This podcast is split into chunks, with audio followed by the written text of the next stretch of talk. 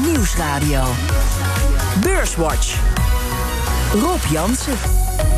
Welkom bij Beurswatch, het beleggingsprogramma op de Nederlandse radio met deze week Jos Versteeg van Insinger Gillissen en Mark Langeveld van Econopolis. Heren, hartelijk welkom. Um, Eerst even een blik op de beurs. Ja, de AEX is deze week zowaar een beetje gestegen. Op Wall Street werden zelfs records eh, gebroken. Jos, hoe lang gaat dit nog zo door? wij zijn nog wel positief. Kan best nog wel een tijdje doorgaan. En als je mij vraagt wanneer komt er de, de correctie... natuurlijk komt er een correctie. Dan weet niemand. Dat is per definitie altijd totaal onverwacht. Ja, Mark, de correctie uh, onverwacht, maar een, een, positief sentiment wat je nu ziet. Denk jij ook dat dat nog wel. Uh, ja, er zijn, uh, er zijn eigenlijk geen rendementsalternatieven voor, voor beleggers. dus ja, ik denk dat als er risico's voor de beurs komen, zijn ze exogeen. Dus bijvoorbeeld de verkiezingen in Amerika. Of een oplopende inflatie in 2021. Maar voorlopig ben ik ook nog wel zeer optimistisch. Er zijn gewoon geen alternatieven. Het was de week waarin de strijd om de video-app TikTok tot een climax lijkt te komen. Topman Kevin Myers stopte op omdat hij buiten de onderhandelingen werd gehouden. CNBC tipt Microsoft als de grote kanshebber. We're likely to see a deal with a Microsoft or an Oracle, more likely Microsoft, and that deal could come in the next 48 hours or so. En het was de week waarin ASR, de grootste stijger deze week in de AEX, de boeken opende. Topman Jos Baten. Wij sturen het bedrijf op operationele winst. Dat is dus wat er uit de, de gewone normale bedrijfsvoering komt.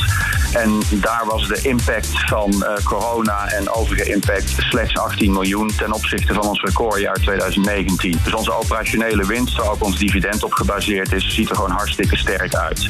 Met de uitkeringsaanvragen in de VS gaat het nog steeds niet echt lekker. Initial claims still hugging that 1 million line on the north side of it. 1 million 6,000. 1 million 6,000. So 1.006 million. Ja, die uitkeringsaanvragen die blijven op een historisch hoog niveau. Alleen de eerste week van augustus waren het uh, iets minder dan uh, 1 miljoen. Um, Jos, wanneer verwacht jij serieus herstel van die werkgelegenheid daar? Dat kan best nog wel eens een tijdje duren. Want uh, ja, die economie die herstelt ook niet echt heel snel. Hè? Het gaat allemaal heel traag. En ehm, nou, wat mij op, eh, opviel was dat als je bijvoorbeeld kijkt naar de huizenmarkt, die deed het uh, heel erg goed. Hè. Daar, daar, is heel veel vraag naar. Dat loopt allemaal prima door die lage rente. Als je kijkt bijvoorbeeld naar het consumentensentiment, dat was ontzettend slecht afgelopen week. Want uh, het loopt uit elkaar. Als je genoeg geld hebt en je hebt een baan, dan gaat het heel erg goed. als je kijkt naar de grote meerderheid van de Amerikanen, ja, die maken zich grote zorgen. En dat snap ik wel. Dus het is een heel. ze noemen het wel eens een K. Je hebt alle letters hebben we inmiddels gehad. Maar niet het drie letterwoord, maar een K-vormig herstel. Twee kanten op. De ene kant gaat goed en de andere eh, grote meerderheid heeft het slecht. Ja, Mark, ook als jij kijkt naar de Amerikaanse uh, arbeidsmarkt, voorlopig uh, hommeles? Nou ja, je krijgt natuurlijk wel een herstel van het enorme dieptepunt wat we hebben gehad in het tweede kwartaal. Alleen het is maar de vraag of uh, binnenkort terug zullen keren op het niveau van voor de coronacrisis natuurlijk. En je hoort nu mensen 2021 zullen we terugkeren op het niveau van 2019. Nou, ik, ik hoop het. Maar ik denk toch al dat er wel wat banen structureel verdwenen zijn. De arbeidsmarkt veranderd is. Ja. Uh, Jerome Powell, uh, de president van de Amerikaanse Centrale Bank, de Fed, die heeft gisteren een speech gehouden. Um, ik lees overal dat iedereen daar. Uh, alle economen, analisten aan, aan, hun schermen gekluisterd waren. Hij heeft meer duidelijkheid gegeven over het beleid van de Fed de komende jaren. Jos, um, wat sprong er wat jou betreft uit? Nou, het allerbelangrijkste is dat hij gezegd heeft dat de rente niet meer preventief verhoogd wordt. Hm. En dat is op zich natuurlijk heel opmerkelijk, want zo is het beleid jarenlang geweest. Als er maar ietsjes de werkloosheid uh, of de werkgelegenheid begon op te lopen, of de inflatie maar een beetje kwam, dan ging de rente, al, de rente al preventief omhoog. En dat, dat gaan ze nu dus niet meer doen. Ze laten gewoon de rente of de, de inflatie een beetje oplopen. Nou is het zo dat de centrale bank natuurlijk uh, niet de bedoeling is dat ze gaan verrassen. Dus over het algemeen, dit beleid is al een tijdje gevoerd. Maar het is nu formeel naar buiten gekomen. Dus het was niet echt een verrassing. Iedereen wist dat het zou gaan gebeuren. Maar op zich is het wel een enorme grote stap die ze hebben gedaan. Ja, met Mark. Hè, je zei al net uh, van ja, er is eigenlijk geen alternatief voor aandelen. Die rente blijft laag. Ja. ja prima voor beleggers dus. Dit ja, wat, het feit wat hij zegt is dat uh, de inflatie mag uh, gemiddeld 2% zijn. Dus dan, laat je, dan tolereer je ook dat die hoger is. Ja. Je zult niet ingrijpen met een hoge rente. Dus dit is eigenlijk een boodschap aan eh, Wall Street: van jongens, eh, het feest kan nog even voortduren. Maar het betekent wel natuurlijk dat met een rente die eigenlijk nooit meer omhoog kan gaan door de schuldratio. Hm dat je reële rente, die wordt toch negatiever. Want je hebt natuurlijk je rente van nul en dan een inflatie van 2, 3 procent. Hm. en met een negatieve reële rente, dan, ja, dan komen er wel wat heel grote voordelen voor bijvoorbeeld goud en een zwakkere dollar. dus de markt verandert wel, maar in feite zegt hij: we leggen geen strobreed in de weg voor Wall Street. Ja voor Wall Street geen strobreed in de, uh, in de weg gelegd. Uh, Jos, jij zei net al, uh, voordat die arbeidsmarkt herstelt, dat kan misschien nog wel even duren. Dit, wat is het effect van dit beleid voor de economie? Of kan dit wel zonder uh, extra fiscale maatregelen van de regering? Nee, nee, dat heeft Powell ook heel duidelijk gezegd. Die centrale banken ja, die hebben het steeds moeilijker. Hun gereedschapskist wordt steeds leger. Hm. Dus ze hebben echt de overheid nodig om te stimuleren. En ja, dat zie je natuurlijk in Amerika. Zijn ze er wel toe bereid? Nu vanwege allerlei politiek garen... waar uh, komen die pakketten niet echt heel snel door. Dat gaat allemaal best traag. Nou, hetzelfde zie je ook in Europa. Dat de Europese Centrale Bank zegt van... jongens, overheden, ga niet te veel bezuinigen. Maak je op korte termijn niet niet al te veel zorgen over die schuld. Het is een, eigenlijk een oorlogssituatie en dan reageer je ook zo. Eh, laat die schulden, dat zien we later wel. Je moet nu eerst de economie stimuleren. Ja, als je dan kijkt naar uh, China, Mark. Uh, daar zei de Chinese premier eerder deze week dat per saldo dit jaar de Chinese economie gaat groeien. Uh, is dat realistisch? Hoe moeten we dat met korreltjes uitnemen? Nou ja, dat is met alle Chinese data, denk ik, die kun je met een flinke korrel zout nemen. Zeker historisch gezien. Ehm, kijk, het lijkt me dat ehm, China heeft natuurlijk inmiddels wel meer, meer binnenlandse consumptie. Maar is nog wel afhankelijk van hoe het in de rest van de wereld gaat voor de export. En de rest van de wereld heeft gewoon nog even een, eh, te maken met een mondiale krimp. Uh, niet alleen in Amerika, maar ook de rest van Azië en Europa. Ja.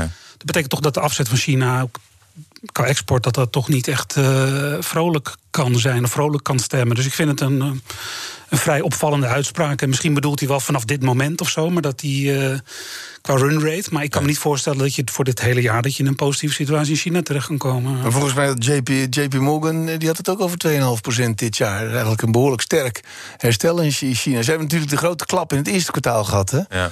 Een tweede kwartaal groeide ze al. Dus ja, het zou, uh, het zou me niet verbazen. Kijk, China heeft die, die hele pandemie op een hele andere manier aan kunnen pakken dan Amerika. Zetten gewoon iedereen vast thuis. En je zit gewoon een paar maanden in de gevangenis in je eigen huis. Ja. Je mag even eruit om boodschappen te doen. En ja, dat is in de rest van de wereld niet. Dus zij hebben die, uh, dat virus behoorlijk onder controle. Ja. Um, we gaan uh, naar het uh, beursnieuws. En wat deze week weer veel in de aandacht was, was TikTok. Chinese video-app. Oracle en Microsoft zijn in de strijd om de buitenlandse activiteiten van TikTok over te nemen. Volgens bronnen bij CNBC um, ehm, zal vandaag of in het weekend de beslissing vallen. Um, Mark, waar zet jij je geld op in? Microsoft of Oracle? Nou, ik begreep dat Walmart uh, zich inmiddels heeft bijgevoegd aan, bij Microsoft. Ja. En Microsoft gaat dan natuurlijk om de technologie, maar Walmart is voor de e-commerce. Hm. Dus, en dat betekent toch eigenlijk over dat de, de, de consumer data die er in TikTok zit, dat die dermate van belang is voor een partij als eh, Walmart, dat ze denken dat ze daarmee op e-commerce hun voordeel ermee kunnen doen. Dus het geeft wel aan dat dat soort data natuurlijk onderliggend wel uh, ook gebruikt of misbruikt, hoe je het wil noemen, kan worden door bedrijven. En daarom, ik begrijp dat Walmart die wil Amazon aanpakken, ja. e-commerce. Dat, en samen met Microsoft is dat wel een hele sterke kandidaat, denk ik, om, uh, om deze deal los te, te trekken. Ja. Zet jij ook je geld op uh, Microsoft, Jos?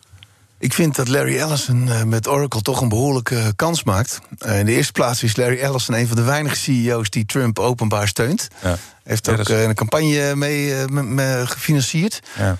En uh, in de eerste plaats zou je eens denken van, van, waarom Oracle? Die zitten voornamelijk bij bedrijven. Wat doen die met zo'n consumer uh, filmpjes van uh, pubers die dansjes doen? Wat moeten ze daarmee? Maar, maar ik zei het al, er is enorm veel data. Ze hebben 2 miljard downloads. Dat is echt onvoorstelbaar veel. Ja. En die data kun je heel goed gebruiken. Ze hebben zelf ook een, een, een Oracle Data Cloud... waarin ze user profiles maken, hm. die ze verkopen. Dus ik kan wel begrijpen dat Oracle uh, een, uh, een kans maakt. Dus het zou me niet verbazen als Oracle het uiteindelijk wordt. Hm. Omdat het ook zo dicht tegen de overheid aan ligt. Trump moet het ermee eens zijn. En, ja. Ik las nog even kort een interviewtje met uh, die oude oprichter van, uh, van Microsoft, Bill Gates. Ja. Uh, die hield zich heel erg op, op, op, de oppervlakte over wat hij van Trump vond. Dat vond ik wel mooi, want het is, ja. het is ook een heel sterk politiek spel geworden. Ja, en heel snel geregeld ook, hè? want het moet voor ergens in september. Dan uh, verdwijnt het in, uh, in Amerika in ieder geval. Ja, we zullen het zien. Uh, waarschijnlijk dit weekend als CNBC gelijk heeft. Um, u luistert naar Beurswatch met Josse Steeg van Insinger Gillissen en Mark Langeveld van Econopolis. Voor we verder gaan, maken we even de balans op van de afgelopen week. De AEX die sloot vandaag op 556,8 punten. Dat is 1% hoger toch dan vorige week. Stijgers. Op 1 ASR, de verzekeraar, kreeg er 8,1% bij. Op 2 ArcelorMittal met een plus van 8%. En op 3 ING met een plus van 7,4%. En een midcap aandeel dat het best presteerde deze week was Corbion. Met een plus van 9,5%. Dalers. Op 1 Galapagos met een min van 5,5%. Op 2 Just Eat Takeaway met een min van 4,4%. En op 3 Philips met een min van 3,3% in een week tijd. En in de midcap was OC de grootste daler met een min van 4,2 procent. En de AEX is deze week drie van de vijf handelsdagen lager gesloten. Um, ASR, grote stijger. We hoorden topman Baten een geringe impact uh, verkondigen op de operationele winst. Uh, geringe impact van corona natuurlijk. Ze nemen ook de bedrijfspensioenen van Brand New Day uh, over. Mark, is, is ASR een bedrijf dat je enigszins volgt? Uh, nou, niet voor mijn techfonds, want er zit, nee. ook, er zit absoluut technologie in een verzekeraar, maar ja. uh, niet, het is geen speerpunt van ASR. Nee. Maar ik kijk er wel zijdelings naar, omdat ik wel de Nederlandse markt ook wil blijven volgen. Ja. Het klopt inderdaad dat het operationeel resultaat viel eigenlijk veel, veel meer mee dan analisten van tevoren hadden gedacht. Ja. En daardoor is ook de solvabiliteit uh, uh, richting de 199 procent. En ongeveer 140 procent is de ondergrens om een dividend te kunnen als, als bodem, zeg maar. Ja. Dus daar zitten ze ruim boven. Dus je krijgt nu niet alleen het uitgestelde dividend, maar waarschijnlijk ook binnenkort een, een interim dividend. Ja. En per saldo is dat uh, bijna 2 euro, volgens mij 1,96 euro. Dus dat geeft een dividendrendement van 6,5 procent momenteel. Ja. Dus ja, ik begrijp wel dat die koers vandaag positief daarop reageren. Ja, um, nou beleg je, je beheert een techfonds, maar een particuliere belegger, als die verstandig is, dan, dan spreidt die. Um, zou ASR uh, goed passen in een particuliere portefeuille, denk je? Of zeg je? Nou ja, kijk, de, als de rentes heel laag blijven, en dat, dat blijven ze waarschijnlijk. Zullen verzekeraars niet als eerste bij mij naar boven komen. Maar uh, met een, zeg maar, de ruime solvabiliteit, dus dat gaat dan niet om de winstontwikkeling, maar om de solvabiliteitsontwikkeling, mm. uh, is ASR door het verleden, waarin ze dat hebben opgebouwd, wel in staat om een heel gezond dividend de komende tijd te betalen. Dus als je het ziet als een dividendbetaler in je portefeuille, als misschien een aanvulling op je obligatiekant. Ja kan je door die diversificatie het wel toevoegen. Maar ik vind, ik vind het niet spannend genoeg in mijn uh, equity als je, als je op 6,5% dividendrendement zit... dan is er toch wel behoorlijke twijfel in de markt... of dat uh, duurzaam te handhaven is. 6,5% vind ik ja. wel veel. Ja? En ja, nou ja, wij hebben financials, daar beleggen we eigenlijk al, al jaren niet in. En dat Ja. zorgt voor een redelijke outperformance. En ik denk dat we, tenminste, wij vinden het ook verstandig om dat voorlopig ook zo te houden. En verder heb ik niet zo goed ook naar. ASR Oh. gekeken hoor. Ja, eh, eh, maar het kan eh, snel verkeren, hè, van beurslieveling naar hekkensluiter.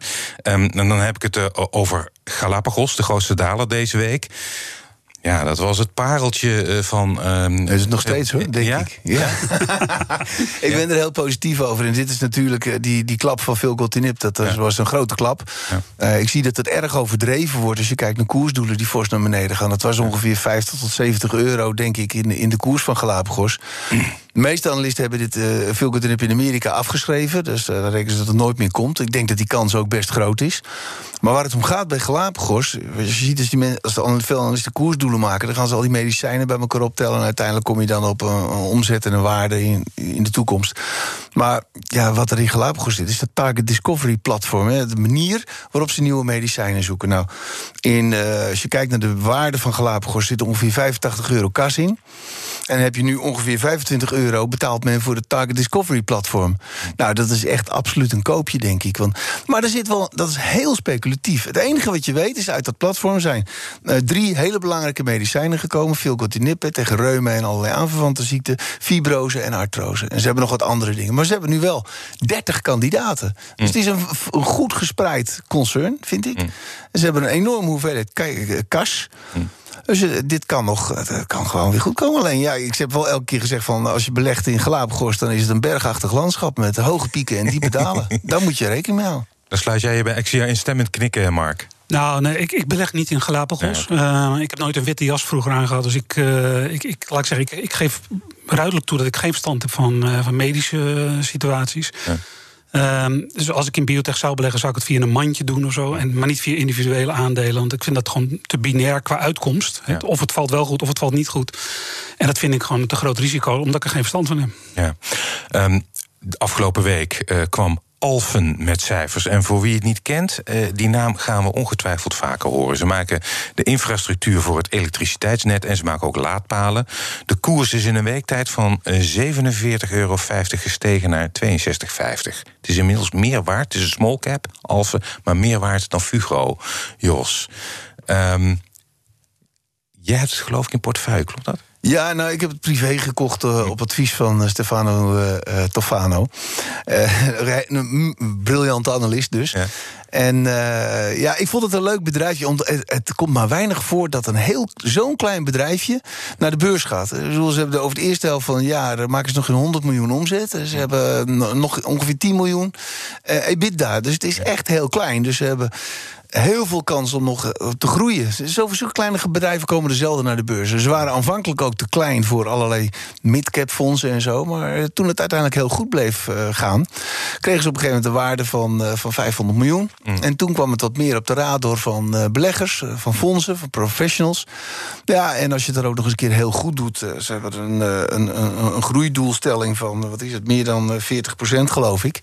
En nou, dat halen ze prima. Mm. Ze zitten precies in de goede hoek, hè? de groene hoek. Iedereen is moe van olie, Shell en allerlei milieuvervuilende activiteiten. Dus als je dan wat goeds wil doen, ja, dan ga je in dat aandeel. Je moet niet vergeten dat het echt enorm duur is. Je betaalt een, K, een KW van hier tot Tokio. Het is echt duur. Dus er is heel veel toekomst in, in verwerkt. Nou, ik heb wel wat berekeningen gezien, wat rapporten gelezen, onder andere van Berenberg. En die hadden een blue sky scenario waarin ze een koersdoel van, van 80 euro eraan hingen. Dus ja. Heel blue sky. Ja, ja. ja. ja. Nee, maar het, het, klopt. Het, is absoluut, het lijkt een goede winnaar van de energietransitie. Dus het screent goed, uh, zeker voor ESG-portefeuilles. Um, natuurlijk laadpalen, uh, solarpark, wind, zeg maar, ja, uh, solarpark uh, servicing.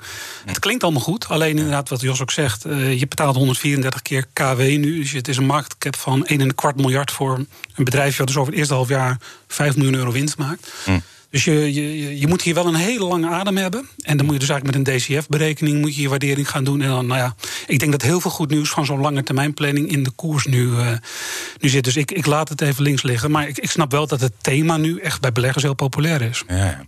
Um, bij beleggers ook heel populair is Salesforce.com. Zij ja. maken CRM-software. Dat is software waarmee bedrijven hun klantrelatie managen. Ze komen ook in de Dow Jones en kwamen met, Mark, ja, blow-out cijfers. Ja. Fantastisch. Uh, het is een positie in mijn fonds, dus ik moet, dat moet ik ook even uh, toegeven, bekennen.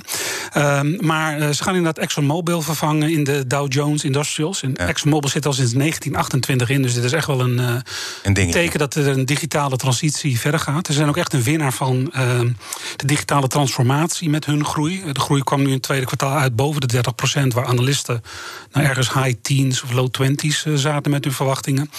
En die omzetverrassing die telde eigenlijk ook 100% door naar de, naar de bedrijfsresultaatlijn. En naar de guidance voor volgend jaar. Die is ook flink hebben verhoogd met 750 miljoen dollar. Van 20 miljard een paar maanden geleden naar nu 20,3 kwart miljard. Dus ja, we hebben het hier echt wel over een winnaar in de hele digitale transformatie en de digitalisering van de economie. En als ik het persbericht goed las, dan schaamde zich eigenlijk een beetje dat het zo goed gaat mm. in deze coronatijd, waar iedereen zich te maken heeft met dividendkrimp en balanskrimp. Ja. En ze schaamden zich eigenlijk een beetje hoe goed het nu gaat. Dus dat. Ja. Uh, een hele fijne bijdrage ook aan mijn portefeuille. Oké. Okay. Ja, het is precies de goede hoek. Software as a service, ja. platform as a service. is precies waar eigenlijk de technologische ontwikkelingen heen gaan. En daar is een, een, prachtige positie. En wij zijn er ook al een tijd heel enthousiast over. Ik moet zeggen, de jongen die ernaar gekeken had, die het ook gepromoot had bij ons, die begon wel een beetje te twijfelen van 20% koerstijging in, in, in één dag. Ja, het gaat wel een beetje hard, maar. Ja, kijk, dat is, een aantal van die technologiefondsen zijn deze week echt hard omhoog gegaan. Apple ook. Dat, ja. is echt, dat komt allemaal natuurlijk door die lage rente. Hè, dat we nu weten van de rente blijft heel lang laag. En als je dat in een DCF-model zet met een hele lage rente, ja, dan, dan, kunnen in principe, dan moet je niet schrikken, kunnen de koersen oneindig hoog worden. Dus ja. dat, is, dat, dat, is het punt. Ja. En. Uh, Je moet, Ja, je, moet- je moet bij die sector van. ervan uitgaan dat tech-aandelen gewoon misschien dus structureel gewoon duur zijn. Ja, en dat zal denk ik voorlopig zo blijven. Als je kijkt naar de onderliggende ontwikkelingen, ja, dat soort bedrijven die, die zitten daar precies op, op, Hmm. op de trend die helemaal die kant uitgaat. Maar je moet wel rekening houden, denk ik. En dat zal Mark ook wel eh, weten, denk ik. Ja, dat je af en toe eens een flinke klapper kan krijgen, dat ook weer naar beneden kan. Als er, eh, bij dat soort bedrijven met die hoge waarderingen, als er een keer een kwartaal tegenvalt, ja, dan kan het hard naar beneden gaan. Ik heb laatst nog eens gekeken naar Apple, wat die voor koersbewegingen heeft gehad de afgelopen tijd. Als je naar vijf jaar terugkijkt, zitten regelmatig klappen tussen min 20, min 30 procent. En voor 2010 was het min 70, min 80 hebben we, meegemaakt. Dat is echt niet raar bij, bij- Apple. De vraag is ook of het duur is. Want Ja. eh, uiteindelijk eh, in 2020 door de coronacrisis zijn er eigenlijk maar twee sectoren die omzetgroei. Op zich niet van omzetgroei, winstgroei, eh, dividendgroei, eh, share buybacks. En dat zijn de, zeg maar, de goudmijnen en de tech. Dat zijn de enige twee sectoren die eigenlijk profiteren van de hele huidige crisis. En, gezondheidszorg eh, ook wel een beetje, toch? Wauw, eh, niet, niet in de mate, zeg maar, Nee, niet qua exponentiële groei die, eh, ja. Mm. die andere twee segmenten. Dus ja, als je natuurlijk naar KW's kijkt, dan lijkt het duur. Maar als je kijkt naar free cash flow yield of naar equity risk premium, en misschien niet te technisch worden, maar Mm. dan vind ik tech nog helemaal niet eh, duur. En de digitalisering is nog lang niet voorbij. Die wordt alleen versneld momenteel. Nee, daar ben ik helemaal mee eens. Ik vind het ook niet duur. We zijn nog steeds enthousiast. Dat is onze favoriete sector. Alleen ik wil wel benadrukken voor ja, mensen die erin beleggen... Van Ja. dat dit wel riskante of meer volatiele sector is. Eh, dat er Ja. ook wel flinke klappen naar beneden kunnen komen. Nou, het is, eh, we zijn alweer eh, bijna aan het einde van de uitzending. Dat betekent dat het tijd is voor jullie eh, tip. Maar als ik jullie zo hoor, dan heb ik al een vermoeden welke kant het uitgaat. Mark, Ja, wat ik net al zei, er zijn maar twee sectoren. Dus eh, eigenlijk zou de, je zou moeten kijken naar een, eh, een, een mandje eh, tech of een, een ETF of een tracker. eh, of in, goudmijnen of een fonds eh, waarbij je wat gespreid bent. Daar zou ik mijn geld, eh, geld op zetten. eh, gespreid in goud of in tech. Ik mag mijn eigen fonds niet noemen, neem ik aan. Dus ik, eh, Zal ik het even doen? Jos, wat is jouw tip voor de luisteraar? Ik, ik denk nog steeds technologie moet je, moet je echt hebben. En vooral ook die grote eh, techfondsen. Facebook, Amazon, Apple, noem maar op. eh, faamaandelen. Alleen, ja, ik ben zelf niet zo'n koper van old, op, op all-time high. Wacht gewoon tot ze weer eens een keer naar beneden komen. Dat gaat echt een keer gebeuren. En sla dan je slag. En wij hebben het laatste aandeel wat wij eh, laatst in de portefeuille hebben, op, in, eh, hebben opgenomen... is eh, Michelin. Dat is iets heel anders iets. Ja. Maar dat is echt ja, een beetje een meer voorzichtig aandeel. Eh, Hm. Die, die bandenproducent die, die is voor het grootste gedeelte van hun... of het, de grootste groep is, is vervangingsvraag... is ongeveer 45% van hun omzet. Hm. Eh, het heeft een lage KW, 10 keer de winst... eh, een mooie kaststroom en eh, aan- aantrekkelijk dividendrendement. Ik denk dat dat een heel mooi rustig aandeel is... voor iemand die zegt van ja, jongens, al die techfondsen... die zijn mij eh, te hard opgelopen. Dat is ook een idee. Oké, Michelin, technologie, goud. Helder. Hartelijk dank, Jos Versteeg van Insinger Gillissen... en Mark Langeveld van Econopolis. Dit was Beurs, Beurswatch. Als u wilt reageren, dan kunt u een mail sturen naar beurswatch.bnr.nl... of tweeten naar Rob Jansenbeurs. Terugluisteren kan via de site, de BNR-app... de Apple Podcast-app of Spotify. En graag tot volgende week.